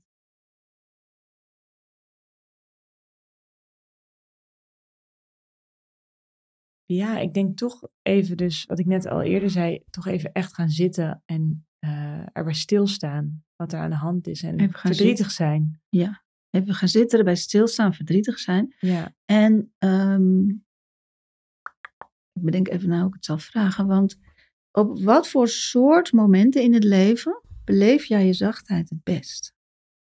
Los van dit hele verhaal. Wat voor momenten in het leven beleef ik me zacht? Ja, wanneer ben je over het algemeen zacht? Als je? Als ik...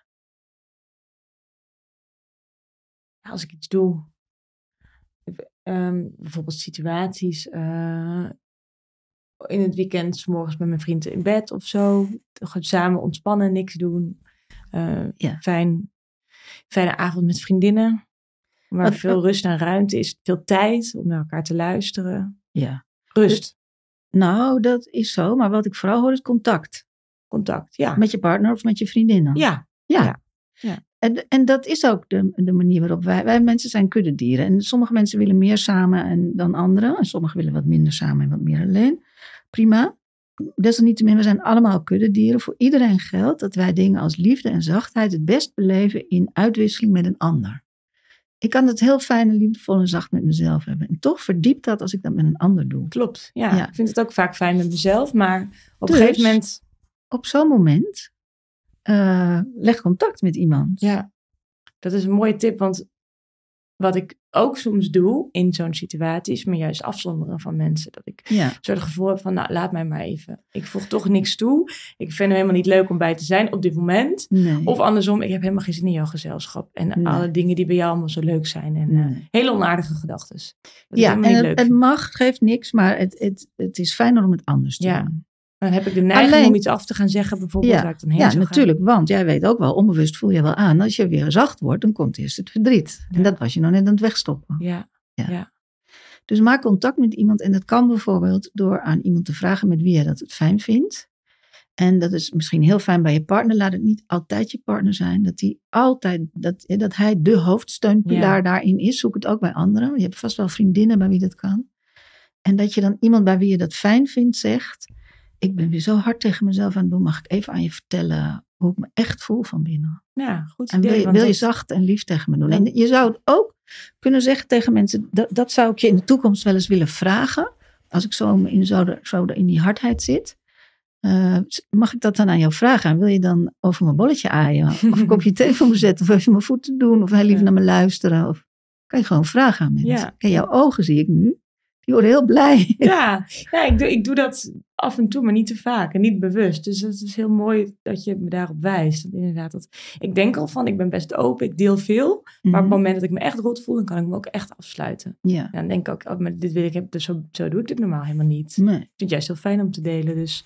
Ja, en eh, ook echt te vragen om zachtheid te krijgen van anderen. Zodat het jou ook weer lukt om zacht te doen. voelt wel als een drempel aangeven, dus dat weer dus iets niet lukt. En dan Ja. daarbij om hulp vragen. Ja. En je zei net al even van eh, probeer dus te zorgen ervoor dat dat niet alleen je partner is. De opmerking Mhm. begrijp ik heel goed. Want ik vind het, eh, eh, nou in mijn relatie met Friso gaat het gelukkig heel erg goed. En we zijn een enorme steun voor elkaar. En soms lukt dat ook echt niet. Nee. En is het echt Mag dat? moeilijk. Dat mag. Ja. dat Fijn, mag. Dat is fijn. Maar als het een langere tijd zoveel teleurstellingen zijn. Hmm. Ja, ik kan me voorstellen, niet alleen ik, maar dat, dat, dat, veel stellen dat echt als heftig ervaren. Ja. Heb jij een tip daarin? hoor? Hoe, ja, misschien is dat een te algemene vraag, maar Hoe hou je het leuk? vraag. Ja. of nou, het hoeft niet alleen leuk te zijn, maar hoe- Ja. ja. hoe, hoe zorg je dat je elkaar niet verliest? Ja, dat is een hele algemene vraag. Hè? Daar kunnen we een hele gesprek over voeren. Ik zal het proberen om te samen. Ja, Wat er heel belangrijk in is, is dat je allebei ieder op je eigen manier ehm, zo gezond mogelijk blijft. En ik noem het altijd mentaal zo schoon mogelijk blijft. Dus allebei je best doen om wel eh, te rouwen en wel verdriet te hebben. En het niet weg te stoppen en niet te verharden en af te sluiten. Dat, dat, en dat niet bij elkaar. Het is niet zo. Natuurlijk kan je elkaar helpen, daar kom ik zo op. ja, Maar als je in de relatie staat van jij moet mij fixen en gelukkig maken en ik moet jou fixen en gelukkig maken. Nou, dat is recept voor mislukking. dat hoor je mensen wel vaak zeggen, hè? Ja. Van, we zijn zo fijn in balans, want, eh, ja, want Ja. we vullen elkaar zo goed aan. Oh ja, nou daar is dan weer niet zoveel mis mee, denk ik. Ja, Aanvullen. Ja. Want als ik heel creatief ben en jij bent heel organisatorisch, dan zijn wij een leuk Ja, dat is waar. Dat is Ja. waar. Nee, maar bedoel je nee, dat bedoel ik niet. Ik Nee. bedoel inderdaad waar, waar jij op doelde van. eh, elkaar gelukkig maken. elkaar Alle, gelukkig alle maken. liefdesliedjes gaan daarover. Hè? Die geven ons een heel verkeerd beeld van de liefde, de meeste tenminste. Want het idee is juist dat je zelf gelukkig kunt zijn, wat er ook gaande is in je leven. En dat is eh, een, eh, iets wat je kunt leren. En de een krijgt het mee in zijn opvoeding en die kan dat dus wat makkelijker. En de ander krijgt het helemaal niet mee. Die moet het met veel moeite zich later nog eigen maken. Geeft allemaal niks. Het idee is dat je jezelf gelukkig maakt. En vanuit twee zelfstandige units die je dan eigenlijk bent, contact maakt met elkaar en toevoegt aan elkaars leven. Ja. Maar als jij mij gelukkig moet maken, hè, stel je voor, ik zeg liefde is voor mij dat jij elke vrijdagmiddag bloemen meeneemt. Dan denk jij, nou fijn, want ik wil jou graag gelukkig maken. Dus jij neemt de vrijdag bloemen mee en nog een keer en de derde keer vergeet je het, want eigenlijk is het voor jou helemaal onbelangrijk. Dan kom je thuis zonder bloemen, dan zeg ik, jij hebt geen bloemen meegenomen, je houdt niet van me, jij zou mij gelukkig maken. Dan komen de verwijten. Ja. Liefde neemt niet van elkaar, liefde ehm, claimt niet, liefde verwacht niks, liefde geeft alleen. Dus als je allebei geeft van wat je hebt en ontvangt van de ander, ja, dan eh, heb je een hele sterke basis om ook zulke moeilijke periodes als deze te kunnen dragen. Ja, en dat geldt eigenlijk ook voor, eh, voor vriendschappen bijvoorbeeld of voor anderen. Ja. Eh, want ik heb me wel eens, om het over relaties te hebben, wel echt geërgerd aan mensen. Hoe bepaalde dingen tegen mij werden gezegd. En dan dacht ik van, oh, ik wou iets delen en ik hoopte zo dat, dat ik me daarna beter zou voelen. Maar door al die adviezen of Of laat het nou eens lekker los of Laat- ga eens lekker ja. op vakantie. Die, ja, maar dat laat ik liet ik me heel erg mijn, ja, mijn, eh, mijn, mijn, mijn gemoedstoestand bepalen. Eigenlijk over dit, wat je al eerder in het begin van dit gesprek zei van iemand doet boos en jij betaalt de prijs. Dat is eigenlijk ook, ja. ja, iemand geeft een stom advies en jij ergert je. Ja, Ja. ja. ja. Wat, wat, hoe ga ik daarmee om? Met hoe die mensen doen. Ja, Ehm, nou, jij hebt een verwachting van hoe, en jij hebt een beeld van hoe ze zouden moeten doen. Dus je hebt een soort norm hoe mensen zich moeten gedragen eh, in aanwezigheid van iemand met jouw achtergrond en jouw verhaal. Eh, en je verwacht ook dat ze dat zullen doen. De, op het moment dat zij iets doen wat jij stom vindt en jij bent teleurgesteld, dan kun je punt 1 al weten, oh, ik heb een verwachting van die persoon, maar die persoon is helemaal niks verplicht aan mij. Dus ik denk, maak van verwachting hoop. Verwachting is akelig. En als ik het van jou verwacht en je geeft het niet, dan ben jij niet oké meer. Ja. Dan maak jij een fout. En dan ben jij de, degene die verantwoordelijk is voor mijn geluk. Dus heb geen verwachting, heb hoop. En de hoop is dat die vriendin of die vriend iemand is die open en lief naar jou luistert en begripvol alleen maar zegt een rot voor je en verder niks. En als diegene dat dan niet doet, dan is jouw hoop niet uitgekomen. Nou, dan kan je boos zijn en je ergeren, maar in feite ben je natuurlijk teleurgesteld. Dus we komen weer op hetzelfde punt uit, ja, dat het gezonder voor jou is om je teleurstelling te voelen. Dus te denken, oh jammer, ja. Ik had liever iets anders gehoord. ik had liever iets anders gekregen. Ik ga naar een ander, ik haal het bij een ander. En deze persoon, eh, denk goed na voor die persoon. Is het iemand bij wie het zou werken als jij hem vraagt om de volgende keer anders op jou te reageren? En dan dat je maar gewoon zegt hoe jij het fijn vindt? Of is het iemand dat je denkt, nou daar begrijpt helemaal niks van, dat gaat helemaal niet werken. Ik laat dat los. Ja. Ik deel andere dingen met die persoon. Met die persoon ben ik juist leuk aan het zeilen of aan het tuinieren. En met die persoon is het juist heel fijn om over mijn gevoelens ten aanzien van het moederschap te spreken. ja, je stelt je eigen verwachtingen bij eigenlijk. Ja, Ja, ja en, je, en je regelt voor jezelf toch vervulling van je hoop, namelijk door naar de goede mensen te gaan. ja. Niet iedereen heeft alles in huis, dat geeft ook niks. Nee, nee. Niet, niet elke vriendschap is 100% compleet. Zelfs met je partner is het niet 100% Ik wou zeggen, compleet. ja, want in een relatie Nee. gaat dat natuurlijk ook. Nee, kijk, als het te weinig wordt, als het onder een bepaald rapportcijfer daalt, dan denk je, dit vind ik onvoldoende voor een. Ik moet te veel buiten de deur. Maar, maar natuurlijk heb je dingen met vriendinnen die je met je partner niet hebt. Dat is ook goed. Ja. Dus eh, ik denk niet zo vinden dat mensen daar goed mee om moeten gaan. Ja. Nee. Je, het is ook niet zo dat jij de. en Dat is- klinkt misschien niet aardig, maar het is niet zo dat jij de enige bent met een groot verdriet. Dat is zo. Bel bij elke willekeurige voordeel in Nederland, voordeur in Nederland aan. Nou, het is ongelooflijk. Ik kom een vrouw tegen met een hond in het park en die is een jaar of dertig en die loopt, liep heel langzaam. Zegt ze, ja, ik, ik mag niet harder lopen. Ik zei, ik mag niet harder lopen. Nee, zegt ze, ik heb een ziekte dat als ik meer dan een beetje inspan, dan, dan krijg ik eh, waarschijnlijk een hersenberoerte of hoe heet dat, een herseninfarct. Ja. Want dan gaat mijn bloeddruk heel erg op. Die vrouw was 30 en die mocht sloffen als een oude vrouw en dat de hele dag, de rest van haar leven. Vreselijk. En de volgende, iedereen, de, iedereen heeft groot verdriet in Ja. zijn leven. Ja. En eh, Het is niet zo dat omdat ik een groot verdriet heb, dat iedereen nu ten dienste van mij daar absoluut correct op mij moet reageren en met mij communiceren. De een heeft het meer in huis dan de ander. Dat geeft niks. Dus ik Ja. denk, vind de mensen. En schrijf het niet te gauw iemand af, zo van die doet dat toch. Want sommige mensen die weten gewoon Ja. niet. Weet je, dan kan je gewoon zeggen van nou, dan ga ik aan jou vertellen hoe ik me voel. Wil je alleen maar luisteren, zou ik het allerfijnste vinden. Ja, ik heb zo over het algemeen het idee dat veel mensen het, het luisteraspect erg moeilijk vinden. Ja. Iedereen wil, lijkt graag dingen op te willen lossen voor de ander. Ik heb dat zelf in het verleden ook. Ja. Of ik doe dat vast nu nog steeds. Maar nu merk ik het meer. Dus ik ben er wel meer alert op. Eh, Ja, mensen willen graag het oplossen, want als jij verdriet hebt en ze luisteren ernaar, dat confronteert hen met hun eigen niet verwerkte opgeslagen verdriet, dat ze hier weggestopt Ja. hebben. En dat willen ze niet. Dus ze willen een zakdoekje, een glaasje water, Ja. iets fixen. snel oplossen. Ja, je moet ophouden met verdriet. Je moet gelukkig zijn. ja. Dat confronteert hen met hun eigen verdriet, wat ze niet aan willen gaan. Ja, want er luisteren misschien nu ook mensen die zelf niet in het traject zitten, maar wel iemand kennen en daar graag iets goeds voor willen doen. Hmm, Dat is ook natuurlijk een grote vraag. ja. Maar mijn advies is in over het algemeen eh, luister vooral. Ja. En eh, dat zeg ik ook tegen bij mij als wat ik bijvoorbeeld een opmerking die ik vaak krijg is: oh, het komt toch goed, hè? Of eh, dan zeg ik, nou, dat is dus dat, dat, weet je dus niet. Nee. En dat is soms moeilijk, maar dat is wel zo. En eh, ik begrijp dat je het zegt, het is heel lief bedoeld, maar ehm, eh, het is, je hoeft het niet voor me op te lossen. Nee. Dat, dat lukt niet. Nee. Dus luister maar gewoon. Ja. Ja, dat vinden En je- mensen ook wel soms moeilijk. Vinden ze heel moeilijk, ja. Ja. ja. En kijk, het is heel lief bedoeld, want als ze zeggen het komt wel goed, dan bedoelen ze ik gun het je zo erg. Ja. Hè, dat, eh, maar dat, dat- zelfs dat durven mensen soms al niet te zeggen, want dat schept zoveel contact en intimiteit en zachtheid.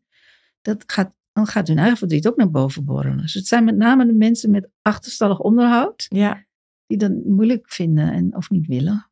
Jammer dat we daar zo bang voor zijn. Voor dat verdriet. Heel jammer. Ja, Ja, verdriet is gewoon liefde. uiteindelijk wel. Ja. Ja, Ja, het, is heel- het valt mij zo op, want het is toch 2023 en dan zijn we zo ver al in dat we dingen met elkaar delen en dat emoties er mogen zijn. En dan zie ik toch eh, bijvoorbeeld op de televisie in allerlei talkshows of hoe er geschreven of gesproken wordt over huilende mensen. Dan wordt er gezegd, ja, hij huilde wel even, maar hij herstelde zich snel. Dan denk ik, ja, hij herstelde zich snel. Maar, Ja. Zo raar? ja. Zo Ja. van het mag echt niet. Het mag niet. Nee, het mag nog steeds niet. Nee, het mag echt niet. Dus dat is heel jammer. Ja. Nou, we hebben echt zoveel mooie dingen besproken. De laatste eh, emotie waar ik tegenaan loop, en dat vind ik misschien zelfs ook wel de lelijkste emotie die ik wel eens voel, jaloezie. Hmm. Als ik eh, vriendinnen heb die eh, wel zwanger zijn, als ik een zwangerschapsaankondiging aanhoor, aanhoor, dat klinkt ook onaardig, maar als iemand mij vertelt zwanger te zijn, Eh, als ik word uitgenodigd voor een baby shower. Ja. Als ik nu binnenkort naar een verjaardag ga van een van mijn beste vriendinnen, is een babytje die twee wordt. Dan denk je, Mm. jeetje, twee alweer. Wat Ja. geweldig. En tegelijkertijd, oh, Waar wat zijn, we al, wat zijn we al lang bezig? Want Ja. wij droomden daar samen over. En de, vooropgesteld ben ik super blij en vind ik het heel leuk. En naar die verjaardag ga ik zeker en daar ga ik ook wel genieten. Maar er zijn ook baby showers geweest waarvan ik echt, eh, waarvan ik uiteindelijk niet ben gegaan. Of met me huilend met mijn jas aan stond. Want ik vind het zo moeilijk. Ja. En jaloezie vind ik echt een lelijke emotie, want het Ja. dient niet. En ik, ja, dat is iets voor een ander leuk en voor mij niet. En daar ga ik dan heel zielig over doen. Ja, maar ik heb nog niet gehoord dat het, dat het jaloezie is. Want nou, jaloezie kan twee dingen betekenen. De ene is benijden. Zo van jij gaat. eh, ik, een goede vriend van mij is nu aan het fietsen in Zuid-Frankrijk. Heerlijk. Eh. Nou, ik, mijn vakantie gaat dit jaar niet door om een reden. Dus ik, oh, ik benijd hem zo. Ja, Dus dan zeg ik ook, ik ben zo jaloers op je. Nou, Ja. er is geen sportje lelijkheid bij. nee. De andere betekenis is dat ik het jou misgun. Dus dat Ja. ik denk, nou, ik niet op vakantie. Wat doe jij daar? Dat gun ik jou niet. Ja. Is dat werkelijk zo? Dat je het niet Nee, dat is zeker niet zo. Helemaal niet. Dat heb ik nog helemaal niet gehoord. Ja. Dus ik zou niet dat jaloezie noemen wat jij voelt. Hoe noem je dat dan? Nou, wat voel je? Ik voel, eh, ik voel dat mijn eigen wens heel groot is. En ik zie iets bij een ander wat ik zelf ook heel graag wil. Dus jouw verdriet komt heel erg naar boven. Ja, ja, ja. Maar ik jij heb, daardoor wel, eh, ik heb daardoor wel echt, nou niet lelijk gedaan tegen die persoon, maar ik heb daardoor in een, bijvoorbeeld in de zwangerschapsaankondiging niet zo blij gereageerd als dat ik me eigenlijk voor die persoon voelde. Ja. Omdat ik be- druk bezig was met mijn eigen verdriet. Wat ik op dat Nou. moment graag had willen parkeren, dat later wel had willen voelen. Maar op dat moment lukte mij dat gewoon niet. Maar was je druk bezig met je eigen verdriet of was je druk bezig met je eh, benadeeld te voelen of zielig of eh, niet goed behandeld door het leven of dat soort dingen. Ja, ik denk dat ook wel, ja. Ik heb zie- proef er iets slachtofferig Ja. in. Zo van, eh, zij wel en ik niet. Ja. Waarom ik dan Ja. niet? Ja, ja, dat mag je doen. ik denk dat je er meer aan hebt om dat moment even naar je echte verdriet toe te gaan. Kun je je voorstellen dat ik heel graag, kun jij je voorstellen dat ik heel graag moeder wil worden en het lukt maar niet. En jij vertelt me dat je zwanger bent. Je kijkt me aan, ik zie in jouw ogen hoe blij jij bent. En ik ben blij voor jou en ik barst ook direct in tranen Ja. uit. En ik zeg huilend om mijn eigen verdriet tegen Ja. jou. Wat fijn voor je. ja, Die twee dingen kunnen er tegelijk zijn. ja, Mijn verdriet om mezelf en mijn blijdschap voor jou. Maar in jouw verhaal hoor ik niet jouw verdriet. Ik hoor slachtofferigheid Ja. en zieligheid en ja, eh, verongelijkheid. klopt. En die dienen je niet. Nee, En dat, niet. dat, dat, dient, dat dient jou om je verdriet niet te voelen. Dat is ook een maniertje. Ja, Je hebt, je hebt meerdere manieren. ja, Hard afsluiten. Eh, en in dit geval zielig doen. En dan hoef je het echte verdriet niet te voelen. ja, En het advies is dus om maar gewoon huilend te zeggen. Vol verdriet. Wat fijn voor je. Ben ik blij voor je. ja, En sommige mensen zullen het niet snappen. Ik weet niet, ik ken jouw vriendinnen niet. Maar, dus ik, bij jou, maar er bestaan mensen op de wereld die dat niet snappen. En die dan van jou denken, oh ze gunden me niet. Want ze Ja. geeft niks. Ja. zij denken. Jij weet voor jezelf hoe het zit. ja. Ja, mooi. Ik denk dat dat het terugkerende ding is van dit hele gesprek. Wees Ja. zacht voor jezelf en Ja. laat verdriet er zijn. Ja. Het is oké dat het er is. Ook op momenten die soms oncomfortabel voelen. Ja. Zoals zo'n moment. Ja, het is, het is prachtig. Ja, Dat, want ja, oncomfortabel. Als ik die zwangere ben en ik zeg dat tegen jou en jij zegt met tranen in je ogen, dat vind ik een geschenk. Ja. Dat ik jouw verdriet mag zien. ja. Ik En heb ik- het zelf een keer gezien. Toen ik Ja. een vriendin die ook in een traject vertelde dat ik zwanger was. Toen ik dat even was, die had dit. Ja, En het vond het heel mooi. En ik begreep het heel goed. snap je? Dus het is een Ja. geschenk wat jij krijgt, dat je het verdriet van die ander mag zien. Ja, het is verbinding eigenlijk. Zeker, en Ja. liefde. En als iemand dat helemaal niet zo ervaart, dat geeft niet. Dan staat hij anders in het leven dan jij daarin. Dat geeft niet. Dan hoef je hem niet kwalijk te nemen.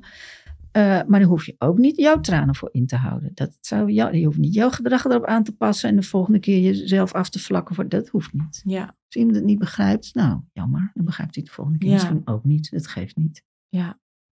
Dankjewel. Ik heb veel eh, herinneringen opgehaald. Ja, Wel nieuwe dingen geleerd, ook over mezelf. En ik denk eh, ja, dat ik echt wel wat vaker, ook al voel ik het dan op dat moment niet, even met mezelf ga zitten. Fijn. Dan wel met een mooi nummer, een gedachte of het contact maken met iemand. En eh, Ja, even doorleven hoe ik me eigenlijk voel. Of lijkt het dan even niet zo. precies. Ja, Ja. heel erg bedankt voor dit mooie gesprek. Heel graag gedaan. Dankjewel voor het luisteren. Kijk voor belangrijke informatie die we in deze aflevering hebben besproken nog even in de show notes. Heb je een vraag of wil je iets delen? Stuur gerust een DM naar @nicole-huisman of @l-nl op Instagram.